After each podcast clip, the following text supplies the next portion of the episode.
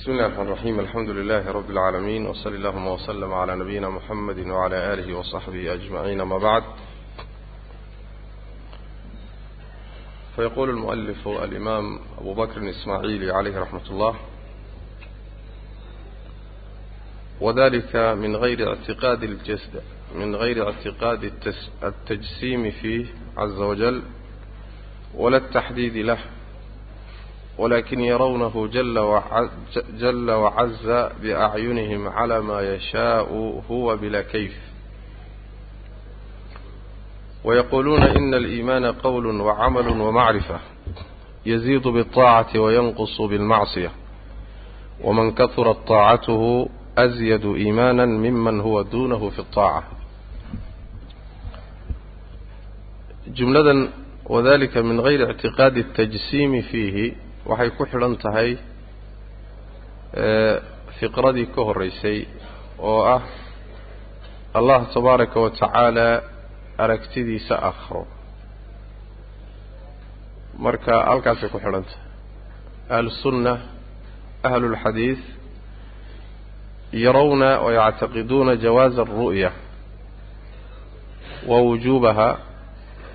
Halkaasay ku xidhan tahay wadalika kaasina oo aragtidaa ilaahay la arkayo oy aakharo ku arkayaani min gayri ictiqaadi tajsiimi jismi ictiqaadintii la'aanteed bay ahaatay. Fillaahi alla dhexdiisa lagu ictiqaadiyo wala taxdiidi wala ictiqaadi taxdiid xadidid iyadoon la ictiqaadinin lahu alle laakin yarawnahu walaakin yarawnahu allay arkayaan mu'miniintu jalla wacaza biacyunihim indhahooday ku arkayaan.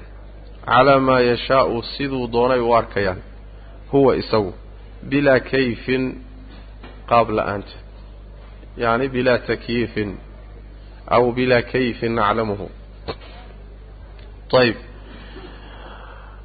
jumladaasi ama fiqradaasi sheekhu wuxuu ku taqyiidinayaa masaladii ru'yat اllahi tabaaraka wa tacaala fi اlaakhira marka laba qeyd buu daba dhigay oo ah markaan leenahay ilaahay aakhare way arkayaan mu'miniintu macnaheedu maaha inaan ictiqaadinayno in uu alle jismi yahay ama in uu xadidan yahay oo taxdiid la ictiqaadinayo maaha.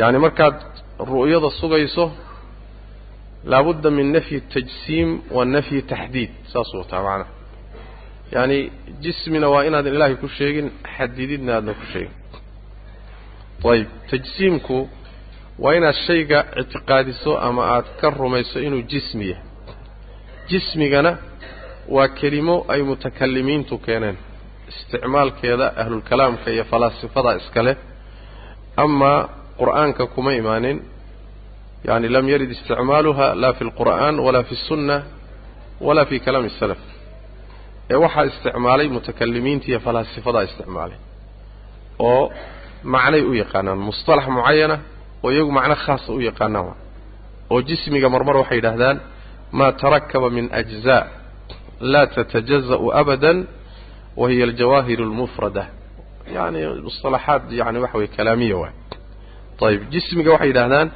waa wixii qaybo iska saaran gaballo isu tegay wixii ka samaysan bay jismi u yaqaanaan gaballadaas ama qaybaha uu ka kooban yahayna qayb qayb marka la yidhaahdo qayb kasta ma qaybsami karto.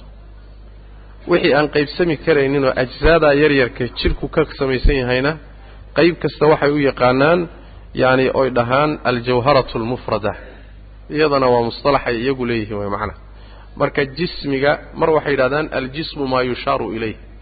Wixii farta lagu fiiqoo la tilmaami karaa jismi la yidhahdaa bay dhahaan. Mar waxay yidhahdaan aljismu huwa maa qaama binafsihi. Wixii naftiisa gooni ahaantiisa u taagan oon cidna ku tiirsanayn. Waxaasoo dhan waa yani tacaariif iyagu ay ku tacriifiyaan. Laakiin warka murtidiisu waxa waay. Kelimatu ljismi iyo kelimatu alxad iyo kelimatu aljiha kelimaadkaas aan qur'aanka iyo sunnadu isticmaalin laa nafyan walaa ihbaatan in la isticmaalo ma habboona. Sidaas daraaddeed imaamku inuu iska daayay yaa fiicnay. Maxaa yeelay mutakalimiintu markay isticmaaleen ayagu waxay u isticmaalaan macno ay u wataan inay sifaatka ilaahay ku diidaan. Masalan nafyu ljismi markay anfinayaan oy leeyihiin ilaahay jidh ma aha bimacnaa waxay rabaan inay u maraan nafyu sifaat inay ilaahay sifaatkiisa ku diidaan. Ayay u isticmaalayaan. Saas daraaddeed baa yaani sifaatka ilaahay oo la sugo mutakalimiintu waxay u yaqaanaan tajsiim bay u yaqaanaan. Ahlu sunnaha sifaatka ilaahay sugana waxay ku magacaabaan oo ku dacaayadayaan inay mujasimo yihiin. Saas way macanaha yaani waa kelimaadka dacaayadda ee muhbitatu sifaat ama yani sifaatka rabbi sugidooda iyo dadka suga iyo ahlu sunnaha kelimaadka ay ku caayaan ee ku dacaayadaan wax kaga sheegaan waxaa ka mida waxay dhahan waa mujasima mujasimo maxay ka wadaan? Bimacnaa sifaatka ilaahay haddii la sugo waxaa ka dhalanaysa ilaahay inuu jismiya sidaas daraaddeed sifaatkay sugeen waxay sugeen jismi bay sugeen. Halkaasay marka marinayaan marka kelimadan anfinteedu waxaa laga fahmayaa in badan ay ka fahmayaan nafyu sifaat ihbaatinteeduna ma soo aroorin. Mar haddayna laa nafyan walaa ihbaatan lam tarid fi lqur'aan walaa fi sunna walaa fi kalaami salaf waxaa fiican in laga gaabsado. Saas maanaa wakadalika taxdiidka taxdiidka.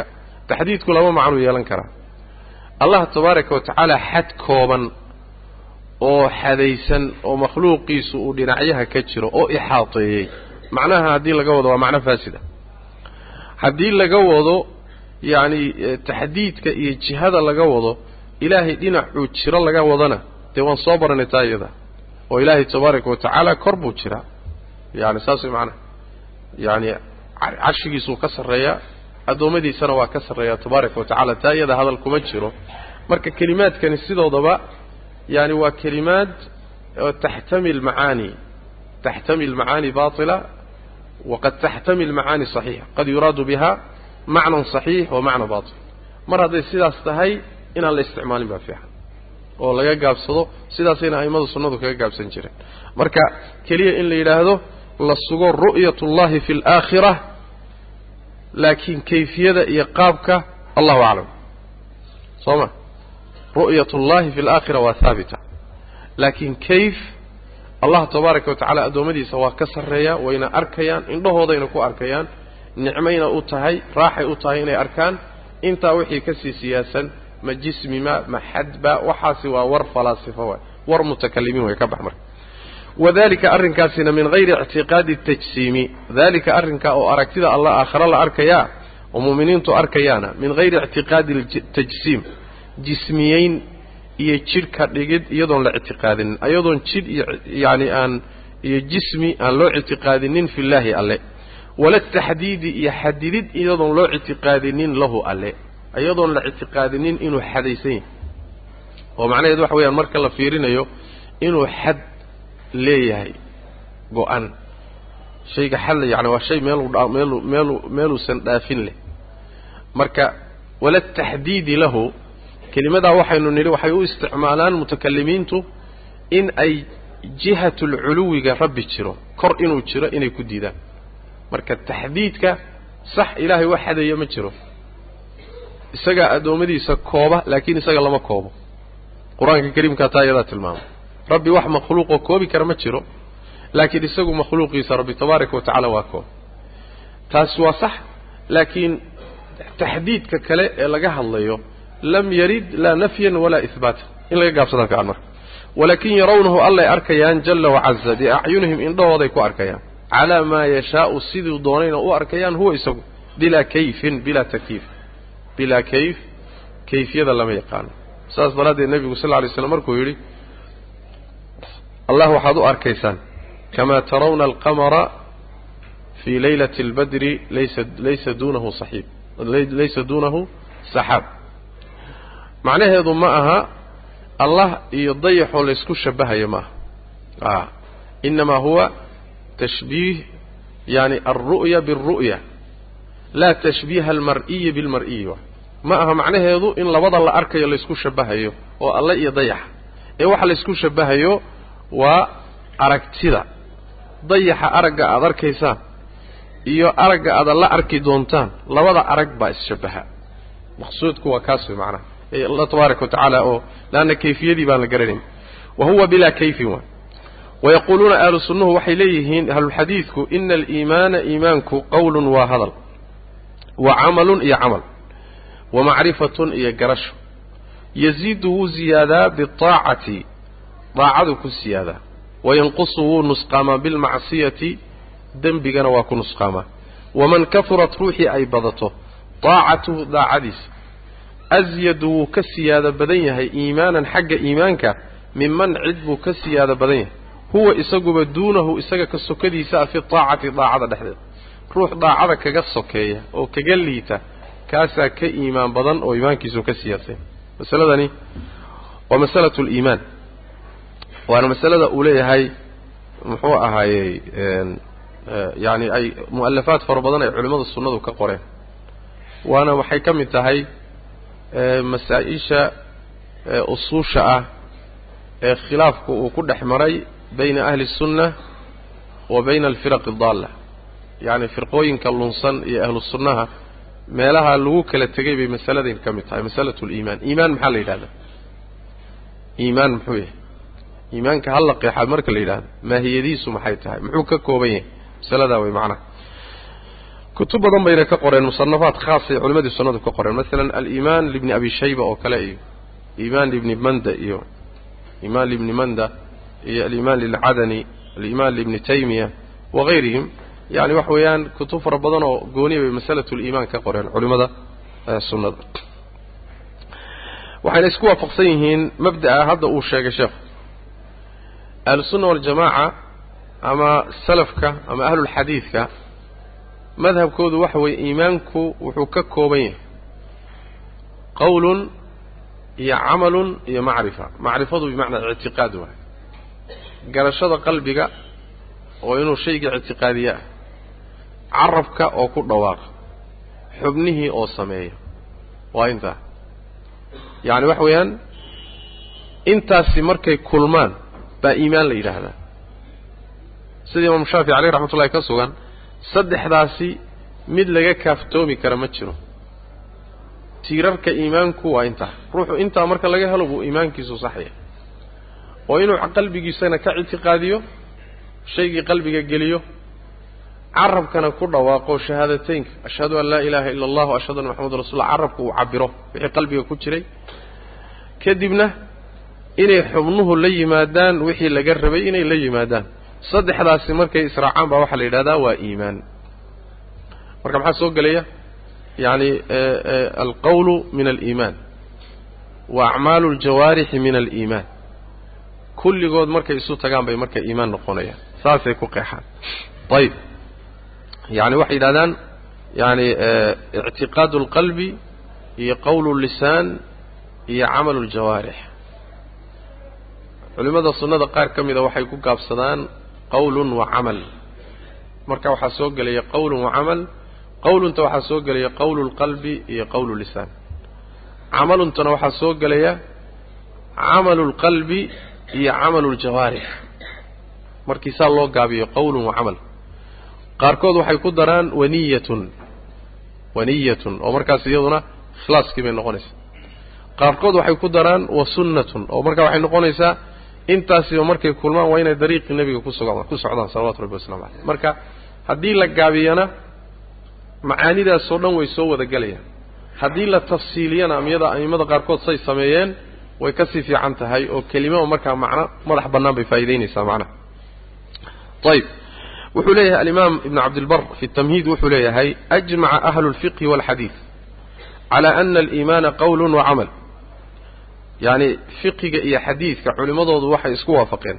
Iimaanku inuu yahay qowl carabka lagaga dhawaaqo camal xubnuhu sameeyaan walaa camala ila biniya camalna ma jiro ilaa niye mooye oo ictiqaadkii qalbiga macnaha caziimatu lqalbi ama qasdu lqalbi macnaha waaliimaanu cindahum yaziidu biاlطaacati wayanqusu bilmacsiya yacni fuqahada iyo muxadisiinta agtooda iimaanku taacadu ku siyaadaa macsiyadana waan ku nusqaamaa waالطaacaatu kulluhaa cindahum iimaan daacada oo dhan wax alla wixii khayreed samaynayso cinda ahli اlxadiid wa ahli اlfiqhi ijmaacooda waxay ka mid tahay iimaankay ka mid tahay wax kastoo samaynayso waa qayb iimaankii ka mid haddaad salaad sunna a tukanayso iimaankii bay ka mid tahay salaad waajiba iimaankii bay ka mid tahay sakadii iimaankay ka mid tahay xajkii iimaankuu ka mid yahay alamru bilmacruuf wannahyi can almunkar iimaankiibuu ka mid yahay daaco kasta waa qayb iimaanka ka mid iimaankii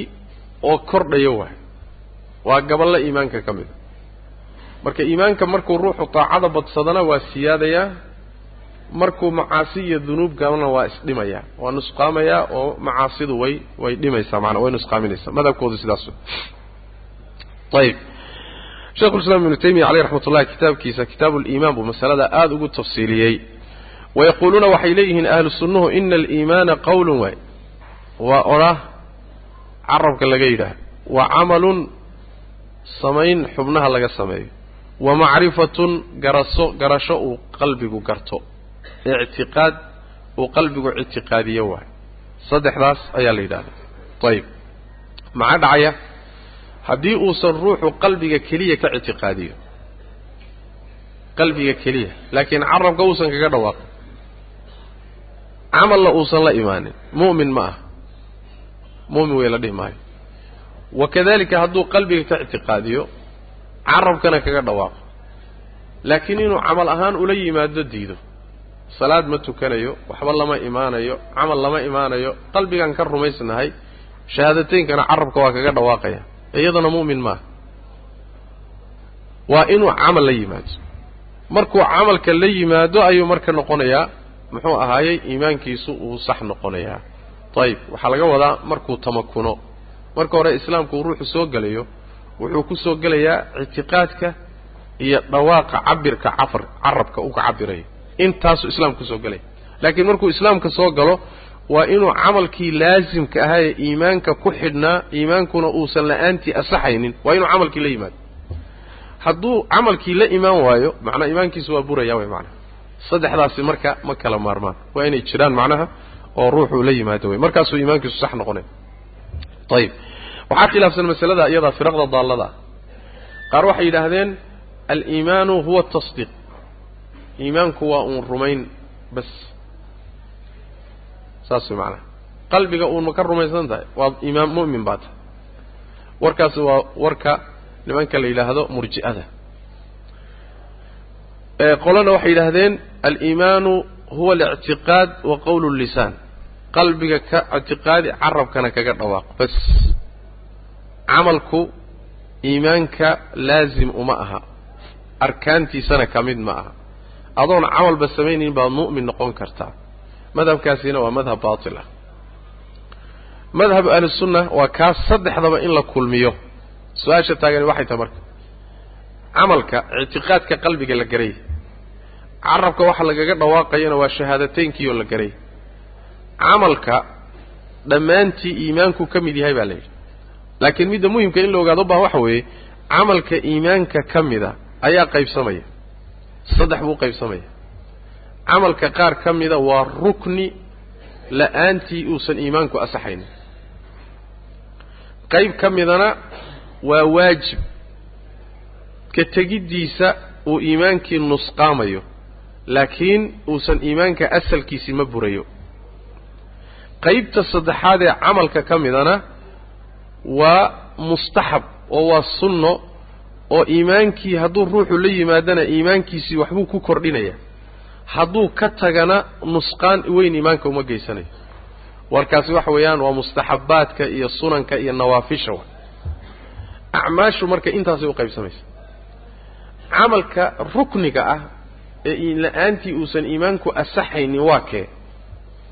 Waa camal kasta oo ka tegiddiisa nusuustu sheegtay in lagu gaaloobayo gaalnimadaana laga wado gaalnimadii mukhrij min almilla ahayd.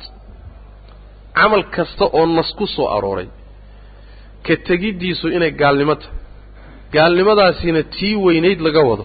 Camalkaasi waxaan leenahay waa ruknun min arkaani aliimaan. Camal kasta oo nusuustu sheegtay ka tegiddiisa in aan lagaga baxaynin diinta. Laakiin ruuxii dembi loo qorayo camalka noocaasina waxaan leenahay waa waajib laakiin wujuubkiisu iimaanka tegiddiisu iimaanka umu nusqaamin mooye iimaanka asalkiisii ma burinayo. Wixii intaa aan ahayna wuxuu noqonayaa acmaasha iimaanka siyaadinaysa laakiin aan dhaawacayn sidaa waxaa la mid a sida shekhulislaam ibnu taymiya caleyh raxmatullah uu sharxayo waxaa la mid a oad uga qiyaas qaadanaysa oo mihaalaad fahmi karta ku ah xajka oo kale. Ama arkaanta o dhan ba arkaanta kale xajka masalan wuxuu leeyahay acmaashiisa qaar waa arkaan. Haddaad ka tagto xajkaagii waa buraya. Soo ma qaarna waa waajibaad. Oo haddaad ka tagto waxaad u baahan tahay xajkaagii naqsi baa gelaya inaad kabto. Laakiin asalkiisii ma burayo qaarna acmaasha ka midana waa mustaxabbaad iyo nawaafil oo xajkii ma dhaawacmayo dhibna ma soo gaadhaya. Haddaad la timaado se ajir siyaada ah baad ku helaysaa. Soo camalku saa uma qaybsamo. Camalka iimaankuna intaasuu uqaybsamaa camalka iimaanku intaasuu uqaybsamaa daabidka lagu kala garanayana waa in nusuusta loo noqdo wixii nasku ku tuso inuusan ka maarmaynin iimaanku asalkiisu ka maarmi karin. Waxaan leenahay waa ruknun min arkaani aliimaan biduunihi laa yasixu liimaan baan leenahay. Wixii camal ah ee nusuustu ku tusto. Haddii laga tago inuusan iimaanku buraynin laakiin dembi ah. Marka waxaan leenahay waa min waajibaati aliimaan waa acmaasha waajibkaa oo iimaanku u baahan yahay laakiin asalkii iimaanku ma burayo haddii laga tago. Wixii intaa ka soo hadhayna waxaan leenahay waa acmaal mustaxabba ah iimaanka siyaadinaysa haddii laga tagana aan iimaanka dhib u geysanayn. Sidaas way macanaha yani waxa weeyaan masaladaasi waa masale murankeeda iyo doodeeda iyo yani mu'alafaadkeeda iyo niqaashkeedu waayahan aad u badan yahay wy macanaha masalatu liimaan iyo muxuu ku asaxaa iyo yani waxa weeyaan saas weeyaan. Marka macnaha saasaa laga wadaa. Ayib qodobka labaadi waxa weeyaan iimaanku inuu siyaado oo nusqaamo. Waa qodobka labaad. Iimaanku waa siyaadaa dadkuna iimaanka waa ku kala siyaad waa ku kala badan yahay. A qur'aanka kariimkaa tilmaamay inuu iimaanku siyaado liyasdaaduu iimaanan maca iimaanihim iimaanku waa siyaadaa waidaa tuliyat calayhim aayaatuhu zaadathum iimaana meesha waxaa laga fahmay marka dadku iimaankoodu inuu kala xoog badan yahay kalena siyaadsan yahay iimaanku waa isdhimaa waa duugoobaa xadiidkii mustadraku alxaakim ku yimid ina aliimaana layakhlaqu fii jawfi axadikum waa duugoobaa kamaa yakhlaqu athawbu sida maradu u duugowdoo kale. Marka iimaanku waa duugoobaa waa nusqaamaa waa isdhimaa waana siyaadaa maxay tahay maaddada siyaadisa? Maaddada siyaadisa waa daacada. Markaad khayr la timaaddo daaco la timaaddo camal la timaaddo qowl la timaaddo iimaankaagiibaa kobcayoo siyaadaya maaddada nusqaamisana waa macsiyada iyo dunuubta. Mar kastoo dembi gasho iimaankaagiibaa hoos u dhacaya. Ilaa marka dambe ay dhici karto inuu kugu soo hadho un asluliimaan waa midda ay ku xidhan tahay xadiiskii nebiga sal lla alay waslam laa yazni الzani xiina yazni wa huwa mu'min walaa yasriqu asaariqu xiina yasriqu wahuwa mu'min. Ruuxu markuu xadayo mu'min ma ah markuu zinaysanayana mu'min ma ah maxaa laga wadaa bimacnaa waxa weeyaan iimaankii kaamilka ahaa ee xumaantan ka celin lahaa baa meesha ka baxay wuu isdhimay. Shaygu hadduu isdhimoo dabcana wixii uu celinayey ma celinayo. Soo ma? Yaani waxa weeyaan xadhigga ama xakamaha hadduu dabco ma kuu celinayaan yacni shaygii kuma celinayo bireegga baabuurku hadduu dabco ma celinayo soo ma waa fakanaya. Sidaas daraaddeed iimaankii markuu dabco wuxuusan ruuxa ka celinaynin wuxuu ka celin lahaa hadduu dhammaystiran yahay marka iimaankii ayaa la anfiyey waxaa la anfinayana asluliimaan ma ahee kamaalkii iimaankaa la anfinaya. Ama yani waxa waajibkiisii baa la anfinaya. Saas way maanaa ama asalkiisii lagama anfinayo ruuxu wax diinta ka saara inuu gala mooyaane dee macaasidaasi diinta kaga bixi maayo sida inoo soo socoto macana ayib masaladaasi marka waa masale ijmaaca. Ahlu sunnaha iimaanku inuu nusqaamo oo isdhimo kala gedisan yahay kala badan yahay kala yaryahay ehelkiisuna ay ku kala badan yihiin. Sidaas way macnaha ayib wayaquuluuna waxay yidhi waxaa khilaafsan firaqda luntay qaar ka mida oo qaba iimaanku waa hal shay oo aan isbedelin aan nusqaamin aan siyaadin dadku aynan waxba iskula dheerayn oo isku mid ka yihiin. Waa masalada ay yidhaahdaan masalan nimanka la yidhahdo murji'ada iyo qolyaha la midkaa waxay yidhahdaan iimaanku dadka oo dhan waa isku iimaan. Malaa'igta iyo ambiyada iyo rususha iyo xusaadda muslimiintu iimaankoodu waa isku darajo. Saas daraaddeed malakul jibriil iyo mu'minka muslimiinta ugu dembi badan waa isku iimaan bay qabaan. Maxaa yeelay dembigu iimaanka wax uma geysto. Waa hal shay oo ama wuu wada joogi ama wuu wada tegi mooye wax yacni waxa weeyaan aqbalahaya inuu isdhimo ama siyaado ma aha bay dheheen.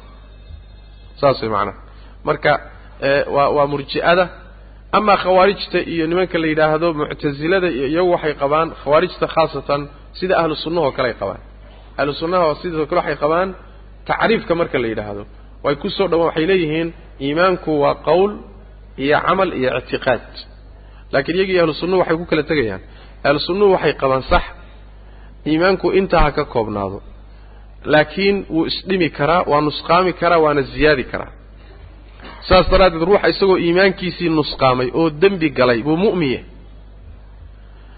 ayagu waxay leeyihiin maya intaas buu ka kooban yahay. Waana hal shay. Isma dhibo isma nusqaamo ma siyaado. Haddaad la timaaddo khalad ama dembi weyn aada gashana asalkiisii baa buraya. Annaga maxaan leenahay ahlu sunnuhu waxay leeyihiin wuu nusqaamaya. Masalan mu'min buu ahaa yacni qalbigiisa iyo carabkiisa iyo arkaantii iyo waajibaadkii intaba waa la imaanayay zinaa ka dhacday walciyaadu billah. Zinaa ka dhacday. Ahlu sunnuhu maxay leeyihiin? Zinadaasi waa macsiyo. Waxay dhintay oy nusqaamisoy dhaawacday iimaankiisii laakiin mayna ka saarin diintoo gaal ma noqonin. Maxaa yeelay iimaankii baa shay qaybsami karaa agtooda. Shay yaqbal atajazu waa qaybsami karaa waa shay qaybina joogi karto qaybina ay tegi karto. Sababtiisii haddii la helo. Maxay leeyihiin khawaarijta iyo muctasiladu? Waxay leeyihiin soo dembi weyn maadan gelin haa. Dembigaa weyn iimaankaagiibuu ku dhufanayaa kadibna isagiioo dhan buu baabi'inaya saas daraaddeed waad gaaloobi. Dembi weyn haddaad gasho waad gaalooday haddaad zinaysato waad gaalooday haddaad wax hadda waad gaalooday haddaad ruux disho waad gaalooday haddaad wax xamato waad gaalooday oo maxay tahay gaalnimadan faraha badan ee dadka aad saarteen? Waxay leeyihiin leanna waxa weeye waxa meesha yaallaan qaybsami karinoo haddii qaybi tagto qaybtii kalena waa tagto. Wax kala hadhaya maaha meesha marka ay ku kala baxayaan ahlu sunnaha iyo khawaarijta iyo muctasiladu waa hagga. Ayagu waxay qabaan waa juz-un laa yatajaza walaa yaqbalu tajzi'a aslan. Laa yanqus walaa yaziid. Nusqaan ma aqbali karo mana siyaadi karo waxba dadku isku hal mid hal shay waa. Shaygaas ama wuu joogi ama wuu tegi. Laakiin ahlu sunna maxay leeyihiin sax waa qowl waa camal waa ictiqaad.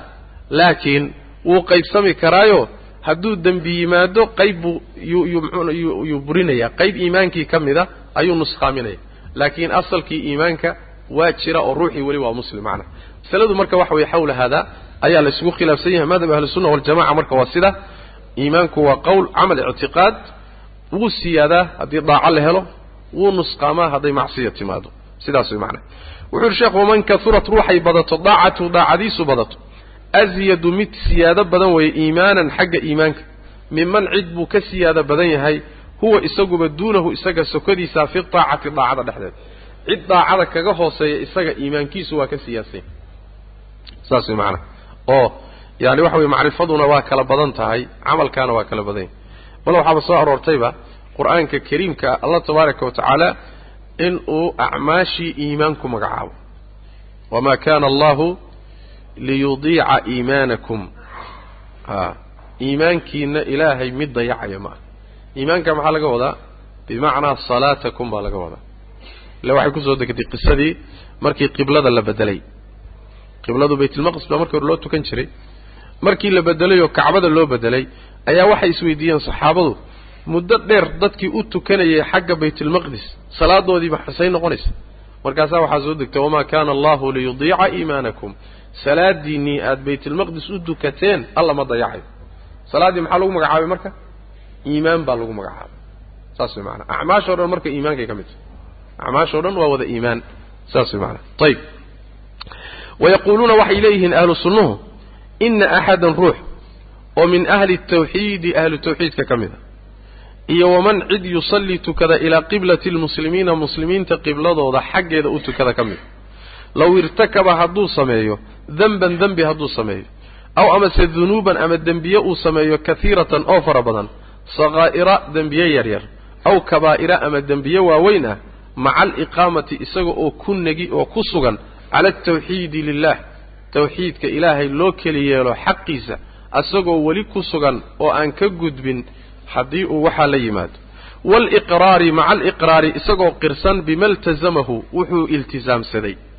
Wuxuu isku laasimiyey oo wa qabilahu uu aqbalay. Can illaahi xagga alleh wixii uu isku laasimiyey ee uu oggolaaday isaga oo qiraya tawxiidkiina ku dul sugan oon shirki u bixin haddii uu dunuubta noocaasi waxyaalahaasi ka dhacaan fa innahu isagu laa yakfuru ma kufrinayo bihi isaga kuma kufrinayo.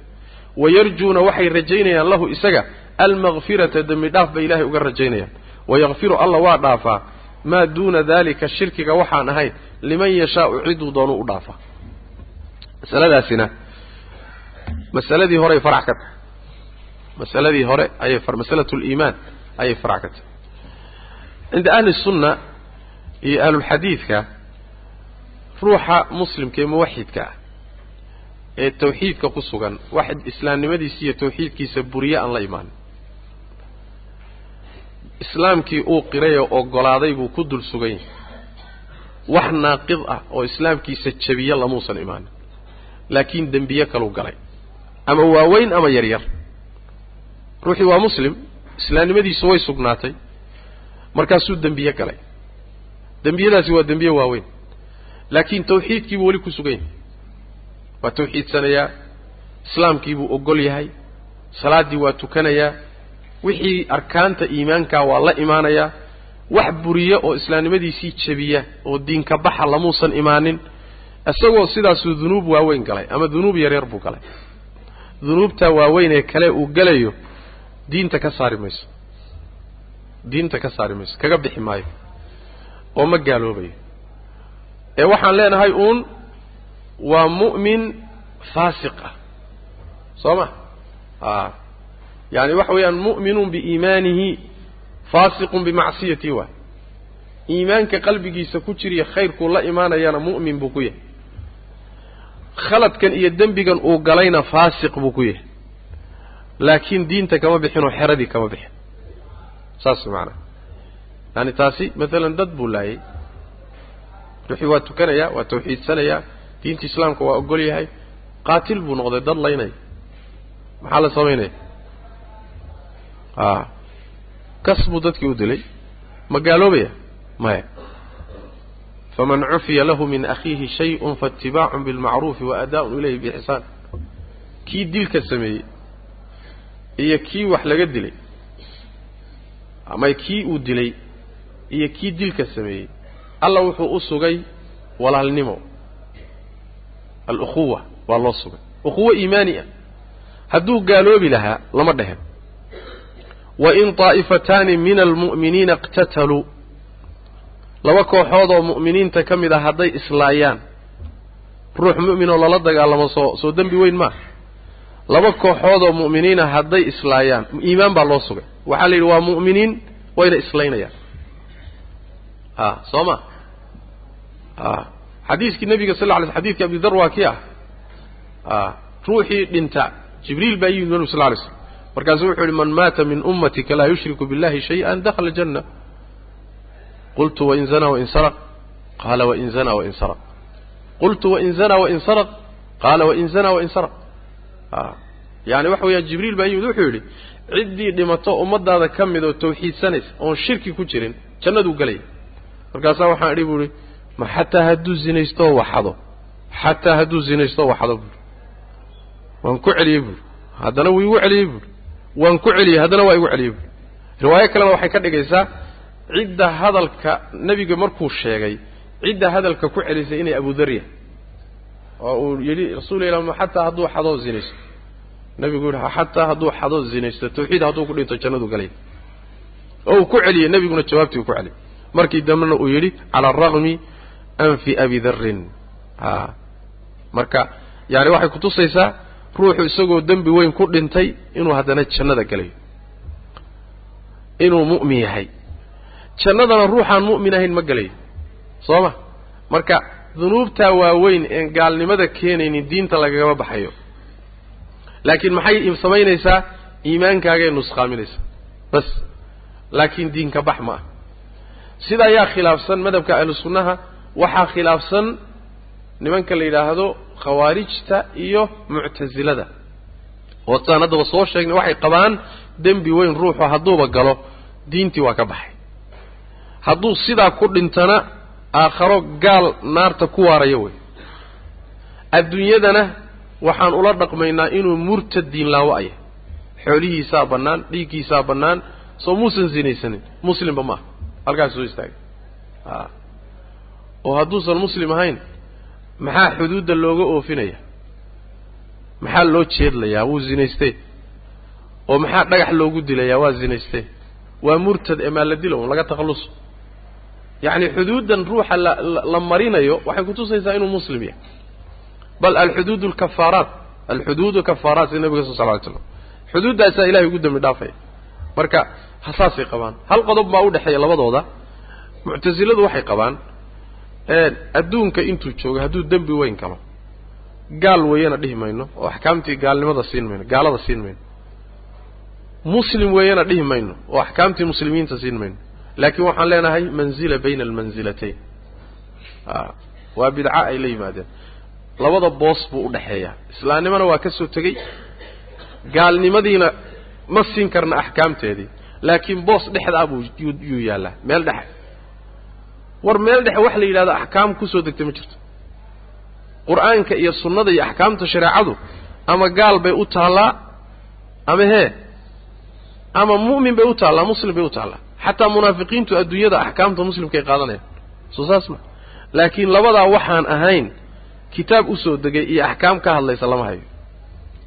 Marka manzila bayna almanzilatayn min usuuli lmuctasilay ka mid tahay amaa khawaarijtu iyagu waa daa'ifada iyaguna dhibka badan muxuu ahaayey xilligii nebiga wax yar kadibba soo baxday ayagu warkoodu waa iska cadiya waxay leeyihiin adduunkana waa gaal aakharana waa gaal naartuu ku waaraya. Labadoodu waxay isku waafaqsan yihiin aakhare naartuu ku waaraya. Adduunyada xukunkiisana khawaarijtu waxay leedahay waa murtadiin laawo ah muctasiladuna waxay leeyihiin manzila bayna almansilatayn adduunka unbay waxoogaa kala bedelan yihiin laakiin aakharo inuu naarta ku waaraya isku waafaqsay. Saas way macanaa qoladaasaa marka khilaafsan oo madhaba ahlusunna garab martay mas'aladan ah murtakibu alkabiira. A ruuxa dembiga weyn ku dhacay ee muslimka ah. Dembigaasuna uusan ahayn midkii yani islaamnimada jabinaya ama islaamka burinaya uusan ahayn. Saas weya wayaquuluuna waxay leeyihiin ina axadan ruux oo min ahli tawxiidi ahlu ka mida iyo waman cid ka mida yusallii tukada ilaa qiblati lmuslimiina muslimiinta qibladooda u tukada ruuxa qiblada muslimiinta u tukada u jeedsada waa muslimka macnaha. Low irtakaba hadduu sameeyo denban dembi hadduu fuulo oo sameeyo ow dunuuban ama dembiye hadduu sameeyo. Kaiiratan oo fara badan sakaa'iro dembiyadaasoo yaryar aw kabaa'ira ama waaweyn maca aliqaamati isaga oo ku negi oo ku dul sugan cala altawxiidi lilah tawxiidkuu ku dul sugan yahay oo tawxiidkii kama bixin. Waaliqraari wa maca aliqraari isaga oo qiraya bima iltazamahu wuxuu islaazimiyey.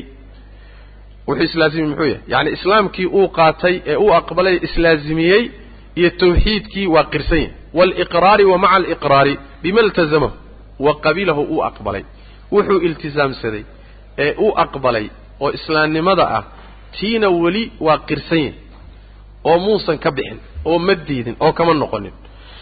Can illaahi alla xaggiisa uu ka laasimsaday ama uu ka aqbalay. Fa innahu isagu laa yakfuru ma kufrinayo bihi dembigaa uu galay ma ku kufrinayo.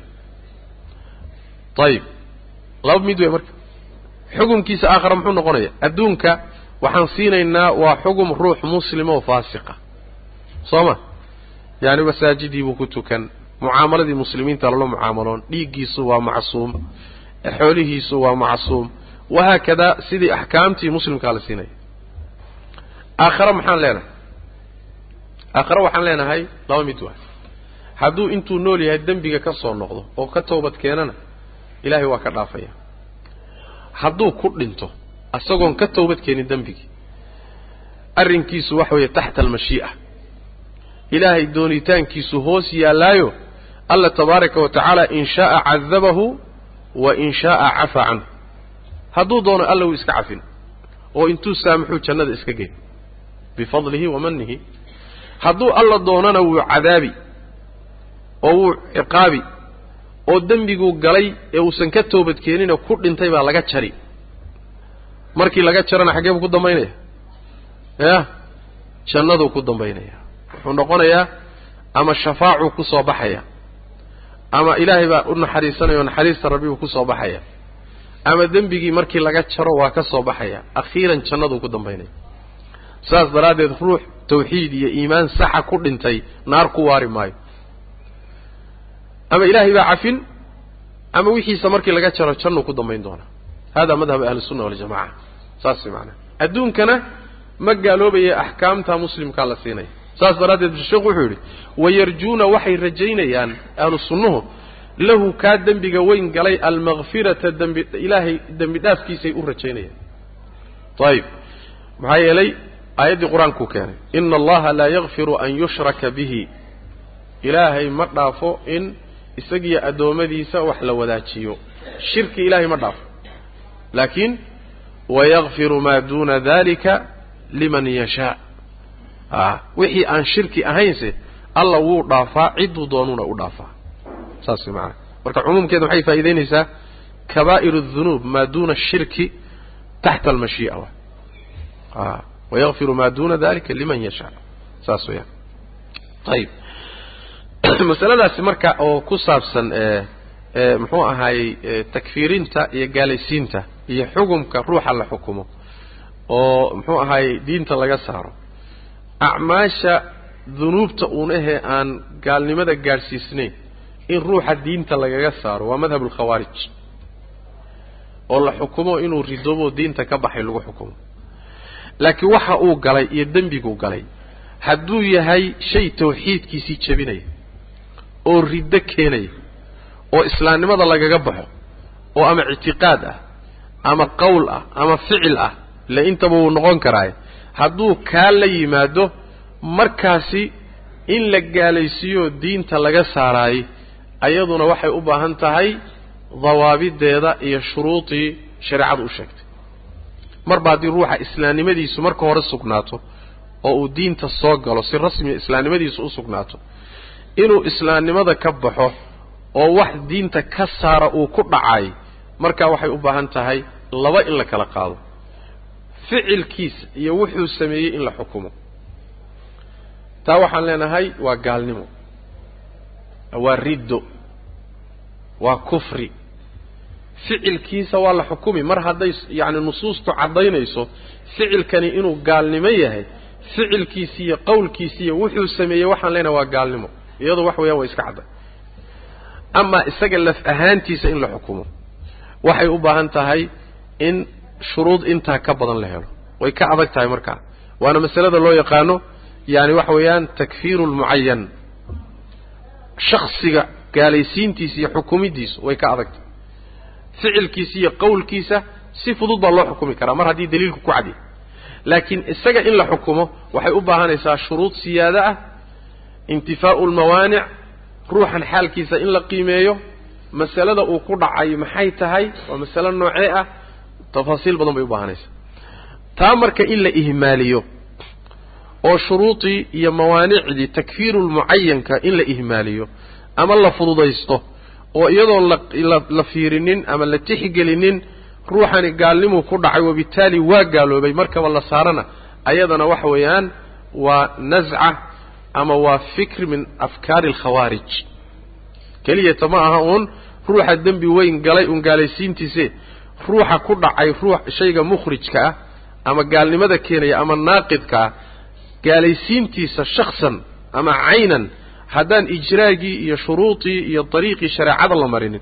Ayada lafteedu waxa weeyaan waa arrin halisteeda lawa cidda gaalaysiinaysa waa cid noocee ah waa in la fiiriyo. Mu'ahal ma u tahay ehel ma u yahay inuu xukunka noocaas oo kalea qaadan karo.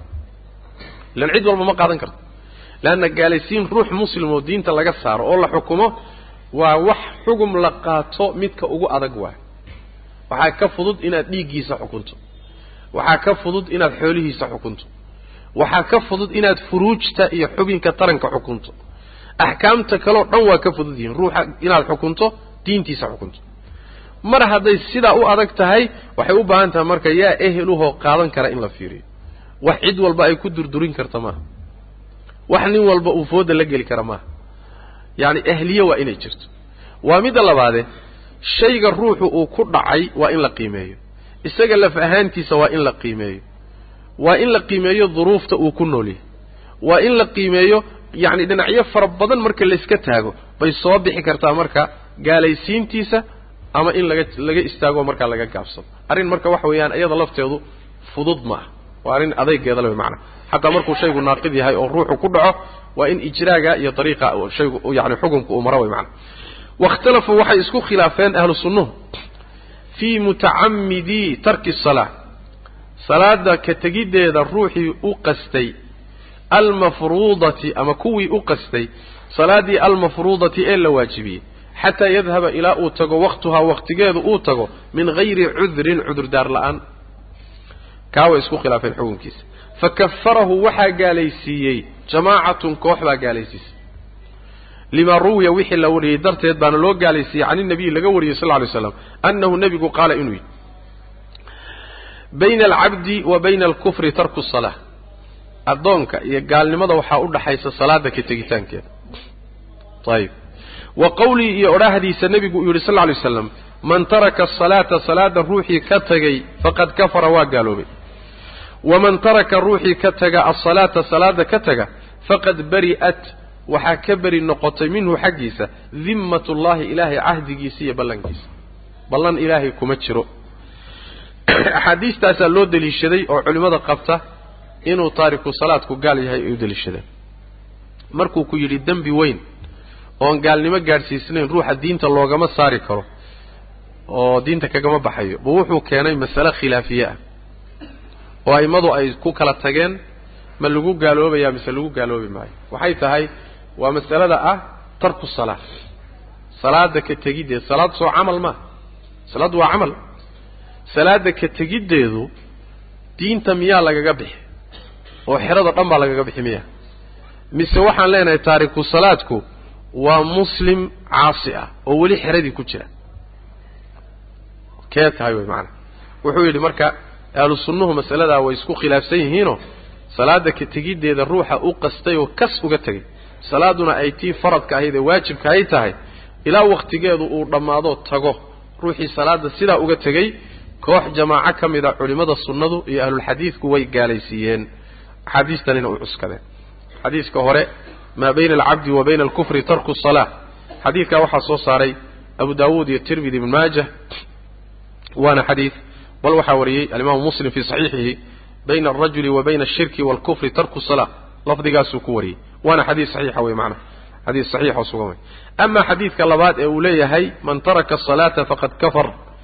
Xadiid badan baa macnaha ku aroortay. Xadiidka ugu dhow waa xadiidka axmed iyo tirmidi iyo nasaa-i ibnu maaja ay soo saareen min xadiidi burayda oo nabigu yuhi sal ly slam alcahdu aladii baynana wa baynahum asalaa ha ballanka noo dhexeeya annagiiyo gaaladu waa salaada faman tarakahaa faqad kafar ruuxii ka tagana waa gaaloobay alimaamu tirmidi wuxuu yihi waa xadiid saxiixa xaakim baa saxiixiyey dahabina waa ku waafaqay wakadalika ibni xibbaan baa isaguna saxiixiyey xadiidkaasina waa kaas wey xadiidka u dambeeya uu yihi waman taraka asalaata faqad bari'at minhu dimmat ullah isagana xadiidku macnaha waxaa soo saaray ibn maajah min xadiidi abi darda wuxuu yidhi abu darda awsaanii khaliilii saaxiibkay baa wuxuu ii dardaarmay nebiguu ka wadaa sal ly slam wuxuu yidhi bu uhi anlaa tushrik biاllahi shay-an wain quطicta waxuriqta ilaahay cidna ha la wadaajinin khalqigiisa iyo isaga waxa isugu darin. Haddaad rabto ha lagu googooyo hana lagu gubo. Xataa haddii lagu gubo lagu jarjaro. Ilahay iyo addoommadiisa waxa isugu darin. Walaa tatruk salaatan maktuubatan mutacammidan. Salaad waajib ana kas ha uga tegin faman tarakahaa mutacammidan faqad bari'at minhu dimma ruuxii kas uga taga ilaahay ballankiisu beri buu ka yahy kuma jiro ballan rabbi tabaaraka wa tacala alimaam alxaafid ibn xajar fi talkhiis wuxuu leeyahay sanadkiisa dacfi baa ku jira laakiin alimaam albusiri fi misbaxi zijaaja isagu wuxuu leeyahay sanadkiisu waa xasan sheekh albanina wuxuu wuxuu saxiixinayaayo lishawaahidihi buu ku saxiixinaya xadiidka dambe saddexdaa xadiid buu marka keenay oo ay u deliishadeen a'immadu taariku salaadku inuu gaal yahay masaladaasi waa masale khilaafiya. Laakiin daahirka qur'aanka kariimka aayado ka mid ah iyo axaadiista daahirkooda iyo ijmaacii saxaabaduba wuxuu ku tureersaday taariku salaadku inuu gaal yahay cabdullahi bnu shaqiiq abu salama kama cinda tirmidi walxaakim fi lmustadrak isnaadin saxiix. Waa ka ka warinaya yacni saxaabadu ullahi calayhim maynan u arki jirin camal laga tago gaalnimo maynan u arki jirin salaada mooye. A yacani camal laga tago oo gaalnimo keenaya saxaabadu waxay u arki jireen salaadda. Ijmaac buu tilmaamayaa inay saxaabadu saa arki jireen. Hadal saasoo kale aad salaada ka tegitaankiisa inay gaalnimo ahayd jaabir baa laga wariyaa isagana jaabir bin cabdillahi radi allahu tacala canhu arda marka arrimahaasi waxay tilmaamayaan saxaabada ijmaacoodii. Bal arrinta markii la dabagalo taariku salaadku gaal ma aha. Waxay timid baa la leeyahay khilaafkeedu taabiciinta raggoodii ugu dambeeyey ee sikaaru taabiciin ah markay noolaayeen ayay soo baxday. Saxaabada agtooda wakhtigoodii taariku salaadku inuu gaal yahay doodii kama jira taabiciinta kuwoodii waaweynaa iyo awsaadu taabiciin lagama doodi jirin masalada iyada. Doodeedu dib ay ka timid waxaa la yidhahdaa zuhri ayaa inta la garanayo laga hayaa u horreeyey wax taariku salaadku gaal ma aha saa u horreeyaa la yidhahda zuhri markii laga taga gadaashiisay a'immadu marka isku khilaafeen. Afarta imaam iyo a'immadii la noolaa saddexdii qarni khilaafku markaasu yimid baa la tilmaamayaa macnaha marka taariku salaadku inuu gaal yahay waa madhabu madhabu asaxaaba iyo madhabu taabiciin iyo madhabu طaa'ifa min ahli alxadiidi min ahli alxadiidi walfiqh yani waana sida raajixi xoog badan taariku salaadku inuu gaal yahay lihadihi aladila wuxuu yihi marka wata'awala way way way tafsiiriyeen. Wata'awala waxay ku awileen. Jamaacatun koox oo minhum ka mida ahlu sunnaha annahu isagu yuriidu annahu nebigu yuriidu inuu ula jeedo bidalika arrinka. Xadiistaa inuu ula jeedo man tarakaha ruuxii ka tagay jaaxidan isagoo diidan lahaa iyada. Qolyaha qaba inuu taariku salaadku muslim yahay jawaabaha ay ka bixiyeen axaadiistan baa waxaa ka mid ah man taraka salaatadaa waxay yidhaahdeen tarkigan lagama wado. Yacni waxa weeyaan lagama wado tarkigii camaliga ee tarki tarki ictiqaadiya wa man taraka asalaata ruuxii salaada ka taga isagoo diidanba waajibnimadeeda oon ogolaynba saasaa laga wadaa bay dheh oo halkaasay axaadiista u leexiyeen oo macnahaasay ku leexiyeen wa ta'awala saasuu ka wadaa. Ayib maxay deliishadeen? Waxay yidhahdeen kamaa qaala siduu yidhi oo kale yuusufu yuusuf calayhi salaam. Nebi yuusuf siduu yidhi oo kale innii taraktu millata qawmin laa yu'minuuna billah. Innii anugu taraktu waxaan ka tegey millata qawmin qowm diintood oo laa yu'minuuna aan rumaysnayn billaahi alla aan rumaysnayn. Ayib qowmkan diintoodaan ka tegey miyuu ku sii jiray nebi nebi yuusuf ya. Ma intuu ku jiray buu ka tegey. Innii taraktu maya. Nebi yuusuf weligii qowmkan gaalnimadooda kamana qaybgelin ka midna ma noqonin. Marka tarkigan maxaa laga wadaa waay? Bimacnaa waxaa laga wadaa tarka juxuudin. Innii taraktu waan diiday waay. A innii taraktu ka tegid oo ictiqaadi ah waayo. Waan inkiray waan diiday mana ogoli. Marka man taraka bimacnaa man jaxada ruuxii ka taga isagoo oo diidan. Qur'aankaana isticmaalay tarkiga oo bimacna aljuxuud loo isticmaalay. Halkaasay mariyeen sidaasay axaadiista kaga jawaabeen waxayna ku xambaareen. Waa ruuxii salaada ka taga isagoo faradnimadeeda diidan. Marka waa gaaloobaya waa ijmaac marka waa laisla ogolya ruuxii salaadu waajib ma aha dhah oo waajibnimadeedaba diida. Kaa gaalnimadiisa laislama diidanaa ee waxaa laisla laga doodayaa ruux ogol inay farad tahay inay waajib tahay laakiin wahsi uga tegaya. Marka la yidhaahdo war tukana. Warniyo waan caajisnahay dhahay. Waan waan tukan doonaa insha allahu tacala laakiin waxoogaa naf iyo shaydaan baa i wata iyo maruu yidhahdo maryihii baa iga nijaasaysan iyo meelaha ku wareegeysa meelaha ku wareegeysa laakiin salaaddii inay waajib tahay oo laygu leeyahay waan qirsanahay laakiin waa ka wahsanayaa nin. Ninkaa wey ninka laga doodaya laakiin ka soo istaaga salaadu maba jirta waajibba iguma aha. Kaasi waxa weye waa murtad. Kaa gaalnimadiisa hadal kama noola isaga. Saas daraaddeed baa culimadu waxay gaalaysiiyeen oo diinta ka saareen. Bil itifaaq oo uusan muslim ahayn ee dariiqooyinka suufiyada qaar xag jirsi ah oo yidhaahda takaaliiftii baa naga dhacday. Yacani weliga baa waxay yidhaahdaan siduu u socdo u socdo u socdo wuxuu gaadhaa. Xilli aan waajibaadka dhanba ay dushiisa ka dhacayaan oo qalinkuba laga kor qaadahay oon salaad lagu lahayn oon seke lagu lahayn waa weli ilahay bay leeyihi ka noocaasoo kale ah waa diinlaawo murtad ah waay bilijmaac inuu weli yahay iskaba dhaafi saas maanaa leanno salaad dhacaysa oo ruuxa ka dhacaysa oon lagu lahayn layguma le salaad waa kufri waa gaalnimo wey maana adugu ama shaydaan ha ku dhaafiyo yani waxa weeyaan intuu weli kuu muujiyo meelaha ha kula galo ama cisyaankaaguba ha kaa tegsiiyo salaada inkirkeeda ha kugu bixiyo maanaa taa marka maaha marka halkaasay ku awileen ta'wiilkaasi ay a'immada qaarkood mareen. Yacni waxa weeyaan oo in lagu awilayo nusuustan gaalaysiinaysa in laga wado kii diida. Faradnimadeeda waajibnimadeeda ta'wiilkaasi waa ta'wiil waxoogaa aan maqbuul ahayn. Cala araajix waa ta'wiil aan maqbuul ahayn. Axaadiista qaar ka mid ahna yacni ku cado bayna alcabdi wa bayna alkufri tarku salaa wa bayna ashirki lafdi kala odhanay. Daahirka qur'aanka iyo marka ijmaacii saxaabada iyo daahirka axaadiista iyo ta'wiil noocaasa looma leexin karo. Waxay isla ogolyihin a'immadu ruuxa salaada ka tegey ee taariku salaadka waa la soo waa loo yeedhayaa bay leeyahy yustataab baa loo yeedhaya waxaa la leeyahy war salaada tuko. Hadduu tukan waayo waa la soo xidhayaa waa la soo qabanayaa salaada tukaa la leeyahy hadduu markaa tukan waayo waa la dili. Maxaa loo dilayaa? Qolada qabta diintuu ka baxay waxay leeyihiin yuqtalu ridda. Waa murtad diin la'aan baa loo dilayaa. Maxaa ka dhalanaya markaa? Ra'yigaas in uu yahay gaal dhintay oon salaatuljanaaze lagu tukanayn oo qubuurta muslimiinta lagu aasayn oo aan xoolihiisa la dhexlayn waxay leeyihiin yuqtalu ridda. Waa qolada qabta wuu gaaloobay. Qolyahan kale qaba muusan gaaloobinna waxay leeyihiin yuqtalu xaddan. Waxaa loo dilayaa. Xad baa loo dilayaayo. Waa muslim galay wax keena dilkiisa sidii ruux ruux dilay oo kale. Waa la dilayaa laakiin maxaa loo dilayaa xaddan? Ruux isagoo guuruu horreeyey zinaystay oo kale. Waa la dilayaa laakiin maxaa loo dilayaa xaddan? Qoladaasuu la mid yahay bay dheh qoladaasi marka waxay leeyihiin waa muslim uun la dilay ha lagu tukado oo qubuurta muslimiinta ha lagu aaso axkaamtii muslimiintaay siinaya laakiin sheikhulislaam ibnu taymiya caleyh raxmat ullah iyo aimo kale waxay leeyihiin ra'yigaasina waa ra'yi aada wajihi u ah maqbuulna ah.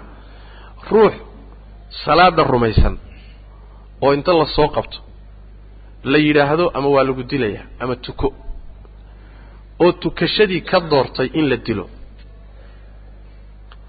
Waxaan marnaba suuroobi karaynin inuu salaada rumaysan yahay waajibnimadeeda maba dhici kartaba naftiisa inuu ku furto shay uu rumaysan yahay inuu waajib yahay ama mashruuc yahay warsamee naftaadana ku furo in laga waayo oo uu dil ka doorbido waxay leeyihiin taasi waa daliil cad oo ku tusaya inuusan rumaysnaynba salaadu inay yacni camal mashruuca tahay markaasoo kaleeto marka yacni in laga doodo islaamnimadiisa maba aha bay leeyihiin inuu muslim yahay in lagu doodo maba ahaba gaalnimadiisu markaa way iska caddahay bay leeyihiin macnaha saas weya wa ta'awala jamaacatun koox baa macnaha ta'awushay oo minhum ayaga ka mid a axaadiistaasay tafsiirkooda iyo macnahooda dhinac kale u leexiyeen oo waxay ku leexiyeen annahu nebigu yuriidu wuxuu ula jeedaa bidalika arrinka man tarakaha ruuxii salaada ka taga jaaxidan isagoo diidan lahaa iyada diidan oo faradnimadeedii iyo waajibnimadeediiba inkirsan kamaa qaala sida uu yidhi oo kale yuusuf calayhi salaam